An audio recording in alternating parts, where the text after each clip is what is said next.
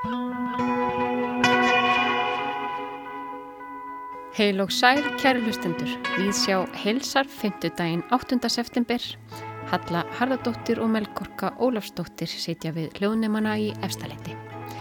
Í þætti dagsins óður til bensinstöðar, æskuminningar, landverðir og Tófi Jansson.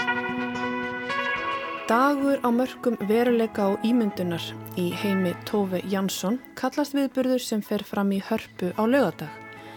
Tófi Jansson, sem flestir þekkja sem höfund múminálvana, var stórbrotin persona og mikill listamæður.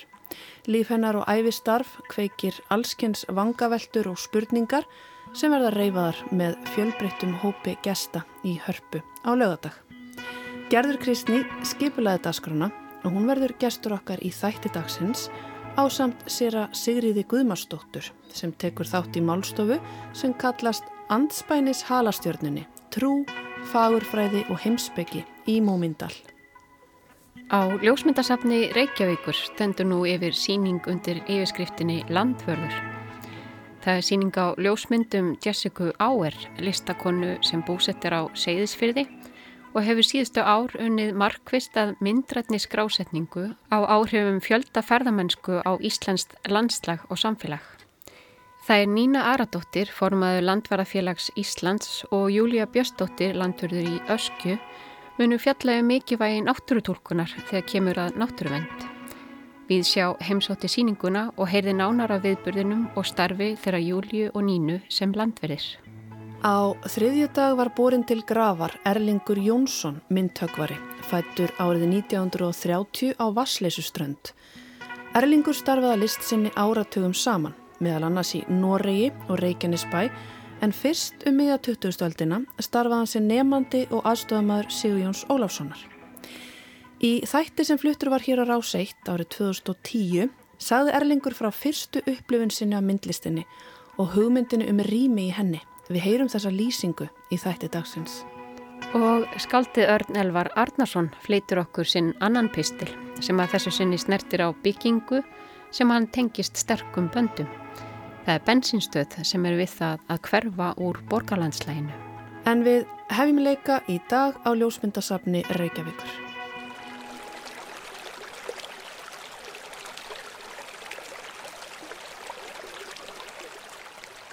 Landvörður Þegar ég gengum ósnortið land leitar svo hugsun á mig að ég raun sé ekki tilneitt sem kalla megi ósnortið land. Ég er í snertingu við landið Snerti heita jörðina með lófanum, snerti glænýtt raunið með fingurgómunum, finn fyrir rakanum frá fossinum og hörundinu og stingu upp í mig bláberi í skóarrjóðri. Ég snerti landið og landið snertir mig. Hvorugt okkar er ósnortið. Ég fetast lóðum hálendið, hita vatni í myndutegi í skála ferðarfélagsins. Myndan er úr gardi fyrir vestan, raforkan úr virkun fyrir austan. Ég rölda þeins frá hópnum, virði þau fyrir mér úr fjarska. Þau eru í gulum, rauðum, grænum, bláum, útvistarjökkum sem saumaður eru eitthver staðar langt fyrir sunnan. Þau eru hingað komin í leitað snertingu. Þau ætla að snerta á landinu og vera snert um leið.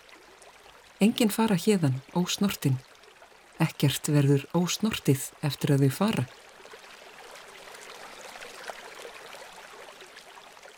Ég heiti sem Nína Ardóttir og ég er dóttorsnum í jöklegarfræði en hef starfað sem landverður frá árinu 2017 og ég er sem sagt núverandi formaður landverðarfélagsins og þannig og raun kemur kannski að þessari síningu við vildum þessi frábæra ljósmyndasíning hjá Jessica um sem ber, er með nafnið landverður við vildum svolítið gera meira úr þessari síningu og gera einhvern viðbjörn tengdan henni. Og síningin fjallar svolítið um hjá Jessica þessi tengst eða jafnvægi sem er svo erfitt að finna milli verndunarsvæða og nýtingarsvæðana sem er svona, og það er svolítið rauðið þráðurinn í störfum okkar landala þannig að þetta svona passar mjög vel saman að við séum með þetta viðbyrg hér í dag uh, á safninu. Og erindið mitt munir einhverju fjalla um fyrst bara svona að tala bara svona almennt um kynna landara félagið hvað landur er gera og mikilvægi hennar. Og síðan taka dæmi um þetta jafnvægi sem að hérna og það er kannski dæmi sem að ég hef séð skýrast í mínu starfi og það er raun og veru grænirhyggur á fjallabæki sem hefur verið mikið í svona umfjöllum kannski síðislegin sérstaklega 2-3 sömur eftir að heimsfældunum skall á og var mjög vinsall meðan íslenska uh, ferðamanna og það þurftu við rosa mikið að finna með þetta jafnvægi milli vendunar og nýtingar á sæðinu. Þannig að það verður kannski svona svolítið mitt umfjöllunarfn í dag. Mm -hmm. Ég heiti Júlia Björnstóttir og ég uh, starfa sem landverður í Öskju uh, hjá Vatnaglistjókarði og ég hef starfað sem landverður síðan 2015 og hef alltaf verið þar á því svæði og ég ætla að uh, vera með nínu í dag með uh, erindi á síningunum Jessica. Og ég ætla svona að fjalla bara um já, störf, störf sem landvörður á þessu svæði og svona hérna, helstu áskoranir í starfi og þá kannski sérstaklega fjalla um utanvægarakstur og taka nokkuð dæmi uh, um utanvægarakstur og sérstaklega dæmi frá því í sumar, nýlegt dæmi. Mm -hmm og svona tengja einmitt þennan rauða þráð sem að Nína nefndi e, í okkar starfi sem að er fræðisla og hvernig fræðislan getur verið svona forvarnar e, gildi og tengist þar með náttúru vend. Ljósmyndarinn Jessica Auer býr á Seyðisfyrði og reykur þar ljósmyndarstúdjú. Í spjallu við Víðsjá sagðum hún frá því hvern hún hefði fylst með skemmtifærðarskipunum út um gluggan. Hvernig þessi reysastóru flikki hefðu silt inn og út úr fyrðinum. Hún flutti til Íslands árið 2016 þegar ferðamanna yðnaðurinn var í fullum blóma. Svo hefði komið heimsfaraldur og skipin hættu að koma. Það hefði orðið til þess að hún var upptekinn af þversögninni í ferðamanna yðnaðunum. Fólk hafi miklar ágjör af áhrifum þessara breytinga á efnahægin en það fór minna fyrir umfjöllun í samhengi við náttúruna sem þó er yfirleitt ástæðum fyrir komu ferðmanna til Íslands. Nína tekur undir það að það ríki ákveðin skamtíma hugsun í nálgun Íslandinga á náttúruvend þó margt hafi líka breyst til batnaðar. Það hefur verið sett auki fjármöglu landvörslu síðastliðin ár en það er samt ekki nóg. Við erum ekki, þú veist, við landverðir erum raun og verið að passa upp á náttúrun og venda hana sem er ástæðan fyrir því að ferðarmyndin að koma en samt sem aður eru við ekki að sinna, eða þú veist, það er, grein, það er ekki nógu mikið, mikið fjármaksett í landursluna og svo til dæmis núna er hérna flesti landverðir að hætta störfum, það eru einhverjir vetralandverðir við störfu og einhverjir heilsás en ferðarmyndin eru ekki tættir að koma. Þeir eru hérna ennþá fram með haustið og yfir allan veturinn að koma á sér norðurljósin og annað. En þá einhvern veginn verið svolítið gleymast því að að náttúrun sé ennþá til staðar og það er ennþá að passa upp á hann þótt að verkefni séu þetta öðruvísi. Mm. Ég er landverður ég stend vörð um landið. Ég sé til þess að snertingin við landið verði ekki of harkalig og gef þeim sem vilja snerta ráð varðandi það hvernig best sé að snerta landið. Ég byrðu um að fylgja stígunum skilja ekki eftir rusl Byðið um að snerta landið aðeins ofur varlega svo að ummerkin verði sem minnst. Það er líka besta leiðin til að leifa landinu að snerta sig, að læðast um, hlusta, finna, horfa, finna lyktina og draga andan djúft. Líka með minn er minn eigin en hann er líka hluti af þessum heimi. Stundum finnst mér hann flæða út í heiminn. Ég tek heiminn inn og skil honum frá mér aftur. Ég borða og drekk, klæði mig gengum, nota reypi til að girða af viðkvæm svæði og farsíma til að ringja eftir aðstóð. Efnið í farsíman kemur úr námu látt fyrir sunnan. Hunangið sem ég sting fingrinum í þegar enginn sér til líka. En ekki er getið um uppbrunna reypisins. Samt líður mér eins og lífið hangi á bláþræði. Ef ég dreg andan of djúft geti það haft áhrif á líf fólks hinum einn á hnettinum eða skordýrana sem félags í fjöruborðinu. Ég reyni að snerta jörðina varlega, helst ekki neitt.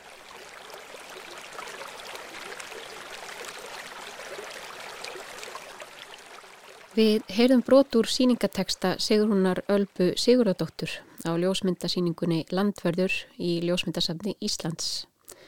Landverðurinn Júlia Björstóttir mun í dag flytja fyrirlestur á síningunni og tala sérstaklega um utanvega akstur. Hún segi landverði og aðra að hafa vel talsvert fyrir sér þessari hegðun. Það sé mikið vegt að breðast rætt við í að afmá ummerki og hlúað umhverfinu, ekki síst til þess að komi í veg fyrir að aðrir fylgi fordaminu. Svo reyna landverðir með samtali að fræða og upplýsa. Já, oft gefst einmitt tækifæri til þess að, að spjalla og útskýra af hverju uh, að þú ætti ekki að keira út fyrir veginn og hérna, marka för í, í hérna, jörðina. Og þetta eru bara sár, þetta eru bara opil sár sem myndast og hérna kannski að reyna að tengja það einmitt einhvern veginn þannig við, hérna, við náttúruna, hún sé bara hérna lifandi eins og við og hérna og að við þá já, svona hérna reynum að höfða til þess svona og alltaf markmiðið með eitthvað svona þekking sem að hérna getur þá breytt viðþorfi, stuðlaða svona meiri virðingu, gagvart náttúrunni og virðingina hún svona mögulega hérna, leiði til meiri vilja til vendunar. Mm. Það er svona markmiðið með okkar starfi. Ljósmyndarinn Jessica Auer hefur verið búsett bæð á Íslandi og í Kanada um árabill. Hún er á heimavell á Íslandi en á einni auðveld með að setja sig í spór ferðamannsins sem kemur til Íslands í leitað nýri upplifun. Við Nína og Júlia veltum fyrir okkur hvort sjónarhorn einhvers sem er aðkomin geti hjálpað okkur í verðmætamati hvað var það náttúruna. Já, það er einmitt, það er bara mjög góður uh, búndur, uh, svona einmitt, þetta gersts augað að það hérna, veitir eitthvað, einhverja nýjar sín og sjónarhort sem að hérna, við oft höfum ekki uh, haft eða hérna, upplifað og Já, við upplifum það náttúrulega í okkar störfum að við erum í kannski 90% tilfell að tala við einmitt erlenda ferðamenn sem er að hérna, sjá hlutina uh, með allt öðrum augum heldur en, heldur en oft íslensku hérna, ferðamennir. Uh, svo er þetta örgulega líka bara einmitt þetta er svona hérna, tenging við hagsmunna aðila eins og ferðarþjónustuna og aðdunistarðsemi og þú veist einhvern veginn það það þekkjast allir en það verðast náttúrulega allir einhvern veginn hafa samt þetta, þetta sama uh, markmið að náttúrann sé sé eitthvað sem virði, en svo er þetta bara einmitt hvaða leiðir er verið að fara? Já og þetta jafnvægi eins og nefndir um, um vendun og, og nýtingu því vendun er líka ákveðin nýting. Að sögn Jessica Auer vildi hún með ljósmyndasýningunni stuðlaða samtali um menningarleg og samfélagsleg verðmæti náttúrunar og samila ábyrð bæði Íslendinga og þeirra sem heimsækja landið á því að varðveitana. Ég spyr Júliu hvort hún upplifi starf ljósmyndarans og landvarðarins á þennan hátt keimlikt og hvort verkin á síningunni felist á sama hátt í því að benda á og setja hlutina í samingi. Já, mér finnst þessi síning gera það og þetta eru mjög fallega myndir. Hún er að taka uh, þessa myndir líka á svona stort format og filmu, ég held að allar, þessi allt, allt ekki á filmu hún er, eh, eða myndirnar þær, hérna, þær eru mjög ólíkar. Og það eru vídeoverk þarna líka og sérstaklega eitt vídeoverk þar sem hún er einmitt með svona, hérna, sín svona ofan á, á sár í jörðinni eftir utanveðarakstur, stór sár. Og það er landverður að raka uh, förin og laga. Og þetta er sínt svona uh, bara í svona hægum hraða og þetta verður svona mjög Mér finnst henni takast að einhvern veginn komast svolítið líka í hugafarið sem að uh, ég eða við, tengi allavega við það, erum í þegar við erum að raka utan við að raksturs fyrir þá fer maður, maður er í einhverju svona hugleislu ástandi mm -hmm. uh, en sko tilfinningin er að maður er að, hérna, maður er einhvern veginn að sauma sár, maður er að setja plástra á, hérna, á skemdir og hérna og mér finnst þetta vídeo til dæmis þetta myndmannsverk svolítið svona sýnir það á mjög fallega nátt hjá Jessica. Tilfinning fyrir nánd og snertingu er sterk á ljósmyndasýningu Jessica Auer. Með tilveru okkar á jörðinni getum við ekki annað en sett mark okkar á umhverfið og umhverfið hefur áhrif á okkur. Þetta með snertinguna, þetta kemur mjög stert þetta er svona flott stert þema í gegnum sýninguna. Og hvernig náttúrann snertir, uh, snertir okkur á sama hátt einhvern veginn. Samstarfsmaður minn stillir sér upp líkt og hermaður á vakt. Ferðamennirni líka. Þeir eru vopnaðir myndavélum sem þeir hampa stoltir með rjúkandi jörðina í baksín. Sjálf sitja á bekk og fylgist með hverju fótspori, hverjum andardrætti. Ég vil ekki snerta neitt og helst ekki vera snert. Starf landvarðarins fælst ekki síst í náttúrutólkun, að opna skinnjun fólks á náttúrunni og umhverjunu. Já, að svona reyna að hérna, og maður veit ekki alveg mitt, hérna maður getur sagt alls konar hérna, staðurindir um jarfræði og líffræði og hérna sögusvæði og þess aftar. En svo er þetta mitt bara að finna lykt og hlusta og alls konar skinjanir sem að hérna sem að maður reynir að höfða til. Það eru auðvitað mjög svona hérna mikil kunst hvernig svona náttúru tólkun uh, fer fram og, hérna, og landverði fá bara mikla þjálfun í því og og er svona einmitt bara þessi rauði þráður í, í því starfi. Og þar að leiðandi að fólk sem satt vonandi skilar það sé að fólk gengur betur um svæðið og ber þar leiðandi meiri virðingu fyrir svæðinu líka. Og það er kannski líka að fá eins og tíningin Jessica, allir þessi svona kannski jákvæða aðtegli sem að náttúrun og landværslan fær eins og gegnum þessa síningu að sína svolítið, tengja náttúrun inn á listformið það líka vonandi kannski svona kveikir ennþá meiri áhuga hjá fólki og svona átta sig frekar á einmitt þessu verðmæti sem við þurfum að passa upp á. Þetta er góða lókord. Takk einnilega fyrir spjallið, Nína og Júlia. Takk sem leiðis. Takk sem leiðis. Melkorka spjallaði hér við landverðina Nínu Aradóttur og Júliu Björsdóttur og kynnti sér síninguna Landverður sem stendur nú yfir í ljósmyndasafni Reykjavíkur fram á sunnudag. Það fer hver að vera síðastur til að sjá þessa skemmtilegu síningu. En þá er komið að huglengu frá Erni Elvari Arnarsinni, skaldi og nýjum pislahöfundi hér í Víðsjá. Bensinstöðuar eru ábyrrandi í Reykjavík. Einu sinni voru þær reistar af talsverðu metnaði, nú líta þær fyrst og fremst út eins og ofvaksinn vörumerki. Svona komst núverandi dasgrástjóri rásar eitt að orði árið 2005. Nú er árið 2022. Góðu heilli stendur til að fækka bensinstöðum í borginni og fyrir á þessu ári tókust samningar á milli borgarífirvalda og allra óljufélagana um fækkun bensinstöða í íbúðakvarfum. Slíkt er jú í samræmi við stefnu borgarinnar í lofslags og líðhelsumálum en ekki gráta ásti mín. Þær mun ekki fara neitt, þær munu lúra við stoppbröðinnar. Glerjaðar, upplýstar á vökunni, árið í kring með grænar, rauðar og bleikar húfur. Má bjóða þær panini, eitthvað geggjað af grillinu eða beikonvaða pilsu eða pulsu með öllu. En hvað um kaffi? Því jamstri dagsins er engu líkt að fá sér kaffi úr pumpu. En einnig þarf að huga heilsunni, fá sér skýr þeiting ríkan af bætiefnum Í amstri dagsins þarf þetta að gera eitthvað gott fyrir þig og ef það er ekki fyrir þig þá bara fyrir samfélagið því að þú tekur bensín hjá mér og virðir fyrir þér stoppbröðina í ljósaskiptum, má heyra trén vaksa á með þú dælir, svo lengi sem þú spyrð ekki hvar þau vaksa en hver veit nema þú dælir ekki líka fyrir hjálpasveit skáta og bætum heimi og friði á jörð en kerðu svo bara eitthvað en ekki leita trjánum sem þú dældir í nafnu skóraktar og hækkaðu svo í sípiljunni. Því ef þið vantar stýrisvögva, þar þetta endur nýja rúðuþurkunar því grátur heimsins er suma daga óstöðvandi, vantar ljósaperu og ekkur einegður í svarta myrkri á milli þjónustustöðva, þart aðstóð og þjónustu, strax fyrir þig og fyrir bílinn en ekki paníni, skýrhæring, pilsu eða pulsu með öllu frá mannesku sem hefur kannski aldrei öðlast ökuréttindi. Ég veit ekki með þig en ég er nýbúin að borða en ég myndi þykja kaffi vittu til ég er vildavinnur og á meðan það kólnar legg ég spilin á borðið og berskjálta vanþekkingum mína á ráðulögðum loftþrýstingi dekki eða hvernig ólíu á að setja á vélina.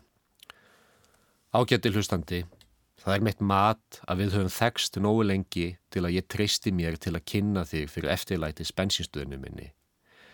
Það er byrjað að rýfa hana en hún spjara sig vel þótt skikni hennar sé laskað Það hefur verið svo ljúft veður undanfarið. En það var ein af þessum lægðum í vetur, kannski rauð eða appelsínugul, en að minnstakosti ekki gul sem gerðu það verkum að verkamenn letu hendur standa fram úr ermum og hófu að tæta hana í sig. en dælunar stenda enn á flísalögðum stöplum og hún er enn eins og brotlend gameskip í miðju íbúðakverfi, hún brotlendi þarna fyrir tíma skemmtiskokksins. En það er staðreind að þessi bensinstöð er að fara og ólíkt farfuglunum kemur hún ekki aftur, það er búið að búa svo um hnútana. En það var þarna sem ég keipti mína fyrstu rúðusgöfu eftir að ég tók bílprófið. Náði ég eldsneiti á bílinn sem ég hafði töluverða ánægu af að aka en veiraði mér við að eiga og þegar ég var lítill í mér fór ég stundum þanga gangandi til að virða fyrir mér hönnun, Guðmundar K.R. Kristinssonar og Ferdinands Albertssonar, gera mér gladan dag og fá mér rækjusamlóku í þurru brauði og malt í hrímuðu gleri og fylgjast með bílum af öllum stærðum og gerðum, fá sér dropa, sjúsa sig af stað í harkið menn og konur kanna loftrýsting dekja sinna, spekinga, mæla ólíuna, hnusa af henni, leggja á ráðin. Fólk að fá fyllt á rúðuvökvan án þess að sulla yfir vélina, bensínafgjörslumenn dæla viðegandi jarðefna eldsneiti í stóískri rósemt og sjá blikið í augum þeirra þegar þeir uppvísa mann um að sjálfskipti ólíja er líka stýrisvögvi og hann er auður eins og derhúa mannsins í afgriðslunni og blóðið í okkur öllum. Já, ég mun ekki standa þarna með heiðarlegan frostpinna á góðviðristegi og horfa á bíla, renna sem í leiðslu innum rauðar flekahörðinar og svo aftur út ný smurða, ný dekjaða, heyra í fyrsta gripið þeirra á malbygguðu planinu, finna lykt af gummíi og dáleiðast að fegurð oljubrákar í podli á planinu. Þú ert augnakonfekt sem geymir samræður á það leið að þessi ráþeira hefði átt að enda í lakinu, borgarstjórin er máisti, und fólk kann ekki að laka glugga, eða ertu búin að vera að keira yfir holt og hæðir með þessu ljósi á í mælaborðinu allan þennan tíma. Svo staðreint að þetta er síðasta bensístöð sinna tegundar er þingri en tárum taki, brúnu flísanar með breyðu fúinni, bogadregna afgrysluborðið, áhersla á bílavörur fremur en almennar freystingar og þessi ilmur sem á engan sinn líkan, Aldrei aftur munu gamleir menn í stórum úrpum standa eins og konungar í ríki sínu og leiðbeina mér og öðrum í eðlilegu viðhaldi á bílum í fallegu umhverfi.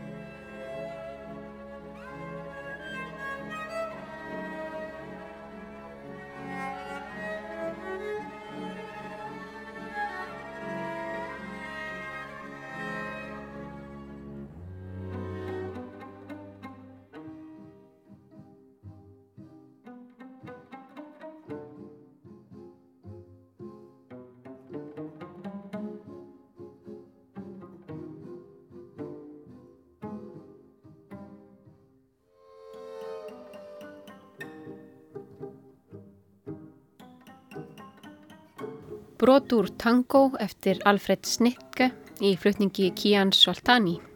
Hér á eftir þessum óð til bensínstöðar menningarinnar. Vottur af nostalgíu í pisli Arnars Elvars Arnarssonar sem hér fjallaði um bensínstöðuna við ægisíðu. Kanski ekki skrítið, byggingin er listavel teiknuð af þeim Guðmundi K.R. Kristinsinni og Ferdinand Albertsinni og við sjáum hann að hverfa hægt og rólega þessa dagana. Vissulega táknum þáttaskil, en þá að öðru.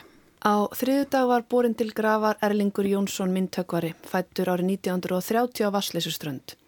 Erlingur starfaði listsinni áratugum saman, meðal annars í Noregi og Reykjanesbæ, en fyrst starfaði hans í nefandi og aðstofamæður Sigur Jóns Óláfssonar. Erlingur var sterkur personleiki og lág ekki á skoðunum sínum. Hann var innblásinn þegar hann rætti störf sín og glími við myndlistina.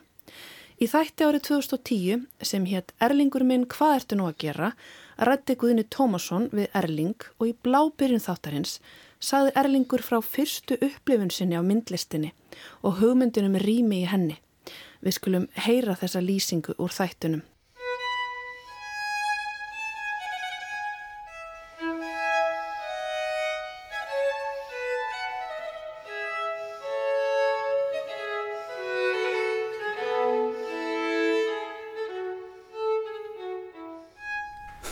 Fyrstu kynni mín að myndlistinni. Ég skal segja það reitt.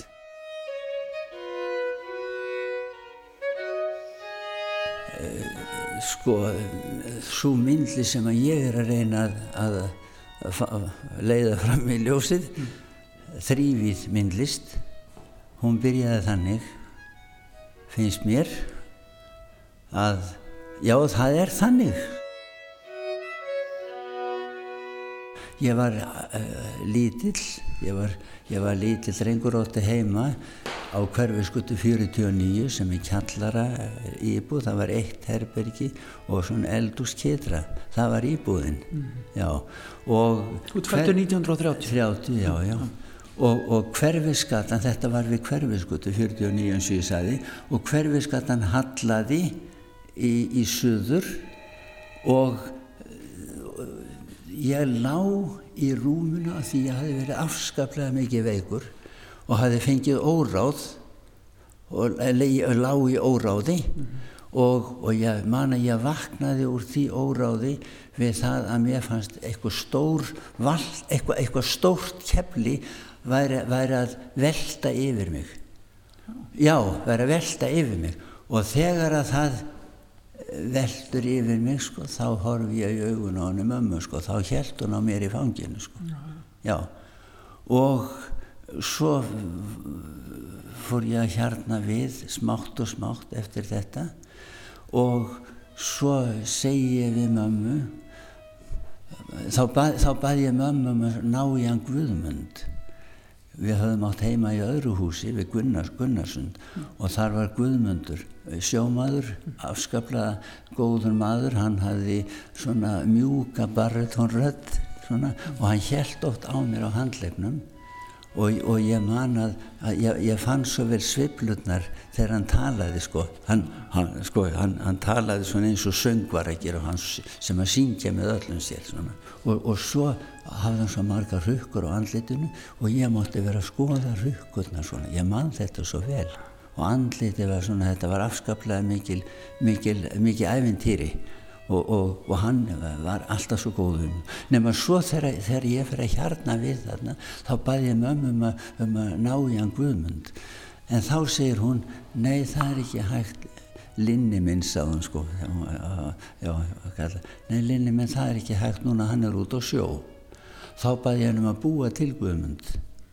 Og hún tekur bref brítur það saman og klippir út symmetrískan Guðmund og, og, og Eh, vökvar, vætir, vætir þessa myndir og rétta hann þá vætir hún myndina og setur hann á rúðuna.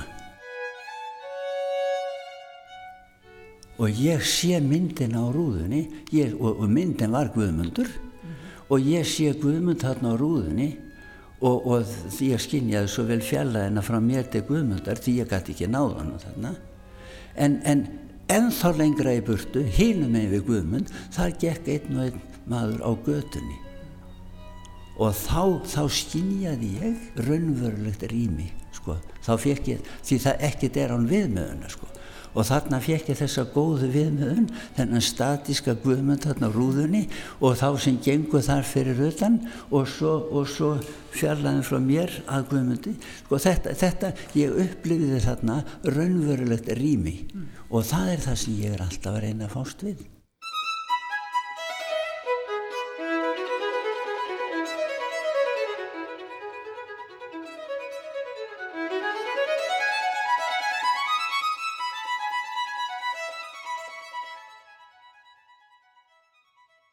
Þarna heyrði við lítið brot úr 12 ára gömlum útastætti þar sem Guðni Tómasson rætti við Erling Jónsson myndtökvara sem lést á 90. og öðru aldursári á dögunum. Falleg minning og hugleðing sem er liklega viðandi innkynning á næsta efni þáttarins sem er heimur finsku listakonunar Tófi Jansson. Á laugardag fyrir fram í hörpu veistla fyrir alla sem eru forvitnurum eða elska sem er alveg hópur af fólki, veit ég, listakonuna Tófi Jansson. Finsku konuna sem er kannski þekktust fyrir sögurnar um múminálfana. Tófi var stórbrotin persona og líf hennar á æfistar kveikir allskynns vangaveltur og spurningar sem verða reyfaðar með fjölbreyttum hópi gesta Gerður Kristni skiplaði daskaruna og hún er hinga komin á samt Sigriði Guðmarsdóttur sem tekur þátt í málstofu sem að kallast Andspænis halastjörnunni, trú, fagurfræði og heimsbyggi í Múmyndal. Verið velkomnar. Takk. Takk fyrir það. Kanski fyrst gerður að því að þú ert að skipilega geta. Hvernig datt er þetta í hug? Eða datt þér þetta í hug? Nei, þetta kemur frá finnum. Þeir eh, halda mjög vel utanum höfundarverk Tófi Jansson, fyrirtæki sem heitir Múmin Karakters og þar situr nú í stjórn Sofía Jansson, eh, bróðurdóttir eh, Tófi og, og, og fleiri ættingjar veit ég og hafa, þetta fyrirtæki hefur staði fyrir svona hátíðum í Helsingi og Stokkólmi og núna í haustu komið að Reykjavík og Turku í Finnlandi og þetta er gert til þess að fagna æfistarfi Tófi Jansson sem hefur veitt fjölda fólks út um allan heim mikinn innblástur. Mhm. Mm Hún var eins og ég saði henni hérna uppafi mikill listamæður sem vann í allskens miðla og þar kannski ekki allir sem vita það. Hún var myndlistarkona til að byrja með. Hún var bara krakkið þegar hún byrjar að teikna og selja myndirna sínar í blöð og tímaritt. Fóreldrar hennar, hennar voru líka myndlistarmenn. Pappin myndhögvari og mamman eh, minnskreitir, hún teiknaði peningasæðla og frímerki, kannski þess vegna sem heimúlin er alltaf að afstra með frímerkjasafnið sitt í, í mjög mörgum bókum. Alveg sama hvort að sé, eh, heiminum sé ógna með halastjörnum þá er helsta áhugju efni hans er alltaf hvað verður um frímerkjasafnið. Mm -hmm. En hérna, þetta kallast oft á líf, tófi og bækunarinnar. Mm -hmm. Og Já, hún, hún eh, var myndlistarkonna og lærði myndlist í Helsingi og Stokkólmi og í París. -hmm. síðan fór hann að leittist henni svo skjálfilega í setni heimstyrjöld og hafði svo mikla áhyggjur af, af ættingum sínum og vinum í stríðinu og hvernig heimurinn, hvernig þetta færi nú alls saman og þá, það var leið hennar að, að, að byrja að skrifa um múminálvana mm -hmm. litlu álvarnir og flóðið mikla sem við fengum nú ekki þýðingu fyrir en fyrir örfáum árum Hún kemur út 45, ekki satt? Jú Einmitt. Flóðið mikla, þetta er svona eina af þessum eh, kannski guðfræðilegum tilvísunum að það er svona Já, getur maður ímynda sér en það eru kannski ekki droslega margar eða augljósar. Já, það er hægt að, er hægt að tólka hlutin á þann hátt en auðvitað stendur, eh, flóði getur staði fyrir syndaflóðið og syndafallið en það þarf heldur ekki að, að vera það. En það er eitt af því sem að mér finnst svo skemmtilegt við Guðfræðina er að, að hún getur komið með svona sko ákveðnar trúarlegar og andlegar vittir og svona möguleika og að tólka bókmyndir á, á ákveðin hátt. En samt verður maður alltaf að passa sig á því að, að smætti ekki viðfóngsafnið alveg eins og ég hef óbúslega gaman á því að lesa múminálfana einmitt í, í, í ljósi æfi tófi eins og, eins og gerður var að tala um. Svo getur, það, getur maður líka farið á langt í því. Til dæmis núna í sumar að þá hérna þá tók ég með mér, ég ætlaði að eiga sumarið og akkurýri og ákvaða að taka með mér bara heila ferðartösku af bókum um Tófi Jansson, einmitt til að undibúa mig fyrir þetta málþing. Og eh, þá fór ég að lesa þar að mista í tvær æfisugur um, um æfi Tófi og, og þá var ég svona alveg heldtekin af sögu hennar og, og, og þar eru alls konar pælingar í þessum æfisögum um að til dæmis að múmin eh, húsið að þetta sé eh, sko, endur ómun af, af bensku heimili hennar og að múmi mamma og múmi pappi séu, séu hennar foreldrar og, og allt svo leiðis og það er alveg sko, það er óbúslega skemmtilegt að skoða með þessar sögur frá svona æfisögulegu sjónarhóttni eða guðfræðilegu sjónarhóttni en það er líka gott að hafa ákveði frelsi frá því af því að það er alltaf þessi hætta að maður einhvern veginn festist inn í einhverju tólkun og ok, þetta þarf bara að vera svona að flóði mikla sé syndaflóðið en, en hins vegar, þannig að þetta er svona varnagli minn fyrir því að mm. að, að því að ég vil mjög gætna geta tólkað ólíka vegu. En hins vegar finnst mér svo, svona,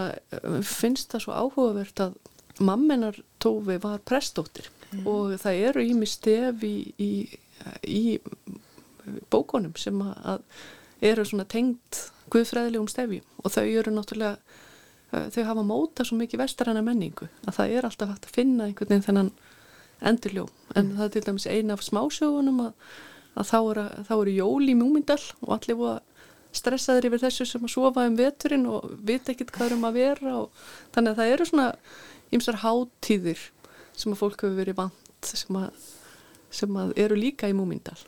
Ég man eftir að hafa lesið samtal sem ég mjög létt láti við eitthvað um sko það við komum til að reyna samfarnu um að haga sér nú vel að því að þá myndið við fara til himna og hún hafði eitthvað ágjörð þessu og spurði hvernig komast aftur niður? Og það held ég að sé svolítið guðfræði Tófi Jansson að, að vera ekkit alltaf að sko varpa manni eh, við erum í annarlegum heimi sem að er heimur múmin heimurinn en það er samt alltaf mjög svona áþreifanlegur heimur það er ekki heimur eftir dauðan eða svoleiðis, heldur er manni alltaf varpað aftur yfir í, í, í tilvistina eins og, eins og hún er núna eitt af því sem að ég lakka mest til á laugadaginn í málstofinu þar sem ég ætla að tala er að ég ætla að fjalla svolítið um alltaristöflu sem að Tófi málaði. Hún málaði sem sagt eina alltaristöflu um sína æfi og sem að er í, í finskri kirkju og hlýtur að hafa verið mjög svona flókið fyrir hana vegna þess að hún var hinsegin á tíma þar sem að, að það var, var algjörlega bannað. Og líka með þennan svona kirkjulega bakgrunn frá, frá móðu sinni þannig að mm -hmm. þetta lítur að vera flókið. Og þessi alltaristabla er sagan af hennum tíu megjum þannig að það eru sko líkamar hvenna eru í, í, í forgurinni á þessari alltaristablu og ég hef bara séð hana á svona litlu myndum á internetinu. Mm. Og ég veit að við fáum að sjá hana upp á stórum skjá í hörpu. Og sko þó það væri ekki nema bara til þess að fá að sjá þessa alltaristöflu svona og fá að njóta hennar. Ég hlakka svo til. Við fáum að sjá þessa alltaristöflu og við fáum líka að heyra finlandsænska eh, söngkonu Emmu Klingenberg syngja teksta Tófi Jansson sem eru hinsegin tekstar Já. þetta er um, um, um mikið um drauga og draugar er nafni, orðið sem hún notaði yfir lesbjur þær voru náttúrulega ósynilegar og átt að vera það mm -hmm. þannig að þetta eru mjög skondnir og, og klúrir tekstar sem hún samtið þarna um kynsistur sínar mm -hmm. og þetta verður sungið og trallað í hörpu á lögadaginn þannig við fáum að sjá mjög ólíkar hliðar af þessari listakonu en hún átti líka mjög langa, langa starfsæði og, og lifði markföldu lífi mm -hmm. Veist, ólíkt ykkur þremur hér, þá kynntist ég ekki þessum bókum og þessum karakterum og hérna, hennar verald fyrir núna bara í setnitíð í gegnum dóttu mína sem er þryggjára. Ég er nýfarin að lesa þessa sögur og mín tilfinningar er mitt svo, það er þessi guðfæðilegu stef en það er svo mikil heimsbyggir líka og mikið um tilvistaspurningar en á eitthvað svona óbúrslega aðgengilega máta og Já. mikið um þetta sem fjallar um bara líðan okkar og breytni og hvernig við erum að hafa okkur en á eitthvað svo fínan hátt. Er það samála? Algjörlega. Og það er eitt sem ég uppgötvaði núna þegar ég var að fara yfir þessa bækur með þessum Finnlandsvíum sem eru með mér í að, að skipulegja þetta. Við lesum Íslandingar upprunalegu bækurnar. En Tófi endur skrifaði þær. Við erum að lesa aðrar útgáfur en svíjar og englendingar til dæmis. og í, í halastjörnunni hjá okkur þá, vill, þá nálgast halastjörnan og snorkstelpan segir mér langar svo til að dansa. Og gott ef hún er ekki að þvælast eitthvað með snorknum. Það er allavega einhver kalkinsvera sem svona strammar hann af bara eins og gertir við, við finska fórsættisráð þeirra nú til dags. En að sönnu sem á heldur ekki dansa. Það er svolítið leðilegt að banna fólk að dansa. Og hann segir, heyrðu, allar að dansa núna, veist ekki að heimurinn er að farast? Og snorkstelpan segir heyrðu, það eru ennþá tveir dagar þanga til. Halló? Þannig að hversin ekki að dansa? Nýta tíman nýta tíman, hvað getur við gert annað? Og ég vildi, og ég vil vittna í þetta, í mínu handriti sem ég á að flytja og finna, þannig að þetta er ekki til hjá okkur, þetta er bara, þetta er, þetta er gamla útgáfan En, en þetta, við erum nýbúin að gefa þetta út aftur. Við notuðum greinlega bara upprannalegu þýðingar steinunar brím, þetta frá, sjött, frá 8. áratöknum. Mm. Þetta er það sem ég las þegar ég var barn og, og það, bara, það, það var bara núna í sumar sem ég gerði uppgötun sem bara uh, alveg hristir þennan, þennan gamla grunn frá, ég er fætt 1965, þannig að ég er að lesa þetta svona í kringu 1970, mm. Pípuhatt Galdramannsins og og hérna vetararundur í Múmintal og, og Örlag á nóttina sem er mín uppáhaldsbók.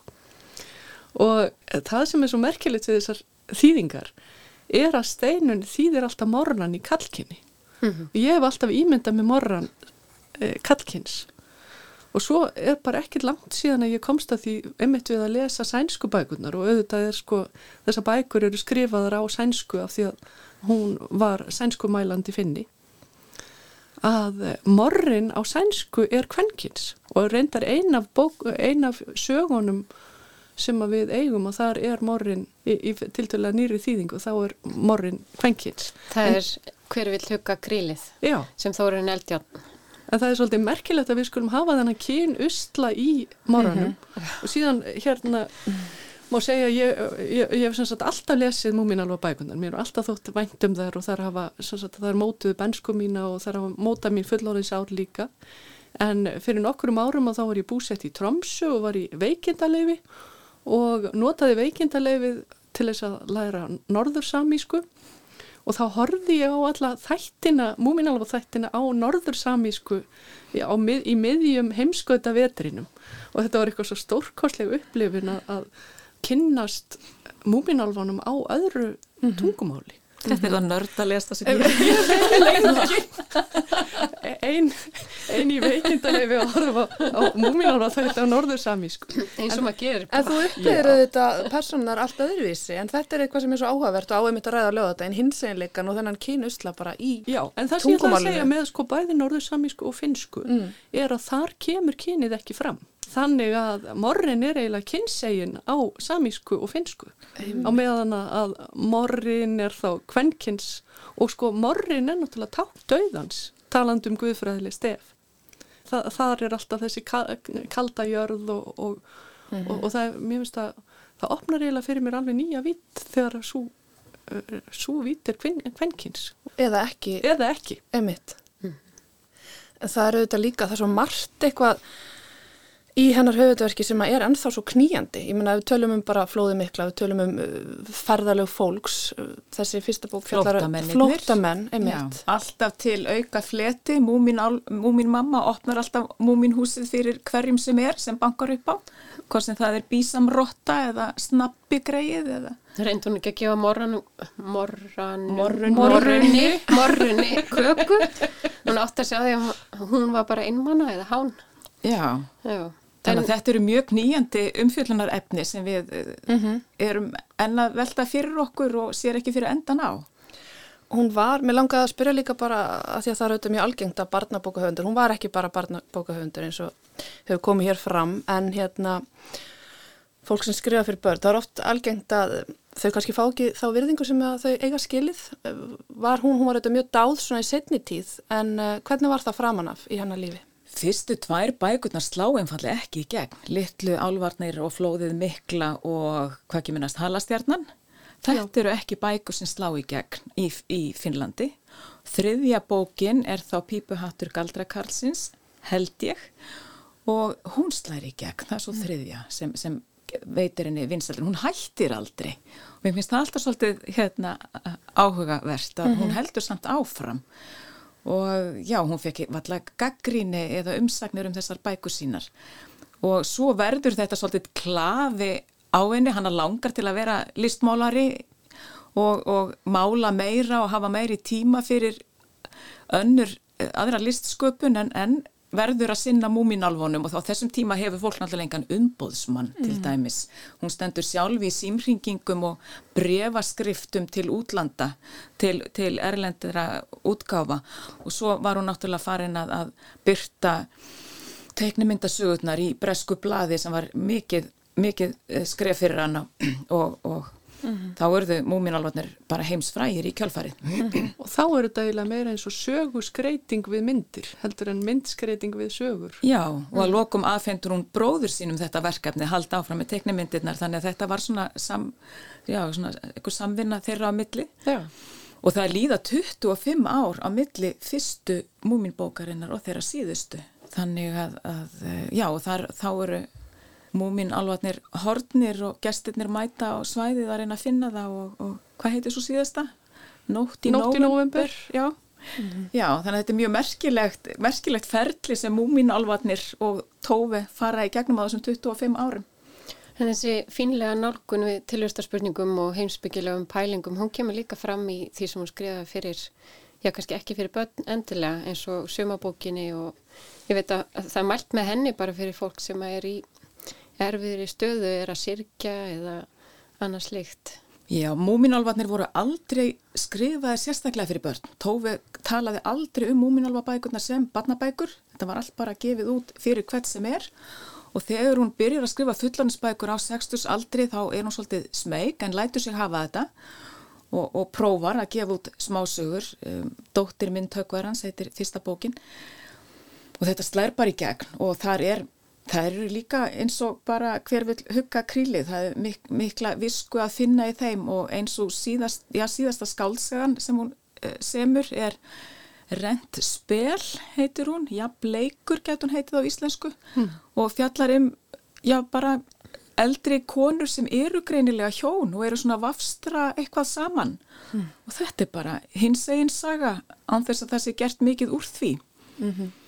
Og þær eru bara í hverstasleikanum að, að, að í bústað eða heima að þrasa um sjómanstafskrona og það er enginn sem þrasar svona nema hjón sko þetta er ekta bara svona hverstags þras og hún var svo mikill meistari að skrifa um hverstagsleikan skrifa um allt og ekkert fegurðina og, og undrinni í hverstasleikanum og mm -hmm. þetta er dásamleg bók þannig ég hef uppgötvað hana meðal annars í suma svona þegar ég var að undirbúa mig fyrir þetta Mér finnst líka svo skemmtilegt að því ég var að tala um á þann að maður, það getur verið hættilegt að alltaf að skoða bara guðfræðileg stef að því að þá getur maður smætta það. Mér finnst mjög gaman að, að, að hugsa þetta á hinbógin. Ekki svo mikið sko hvernig getur guðfræðin sko komið inn í bókmyndirnar heldur miklu frekar hvernig getur þetta haft áhrif á guðfræðina.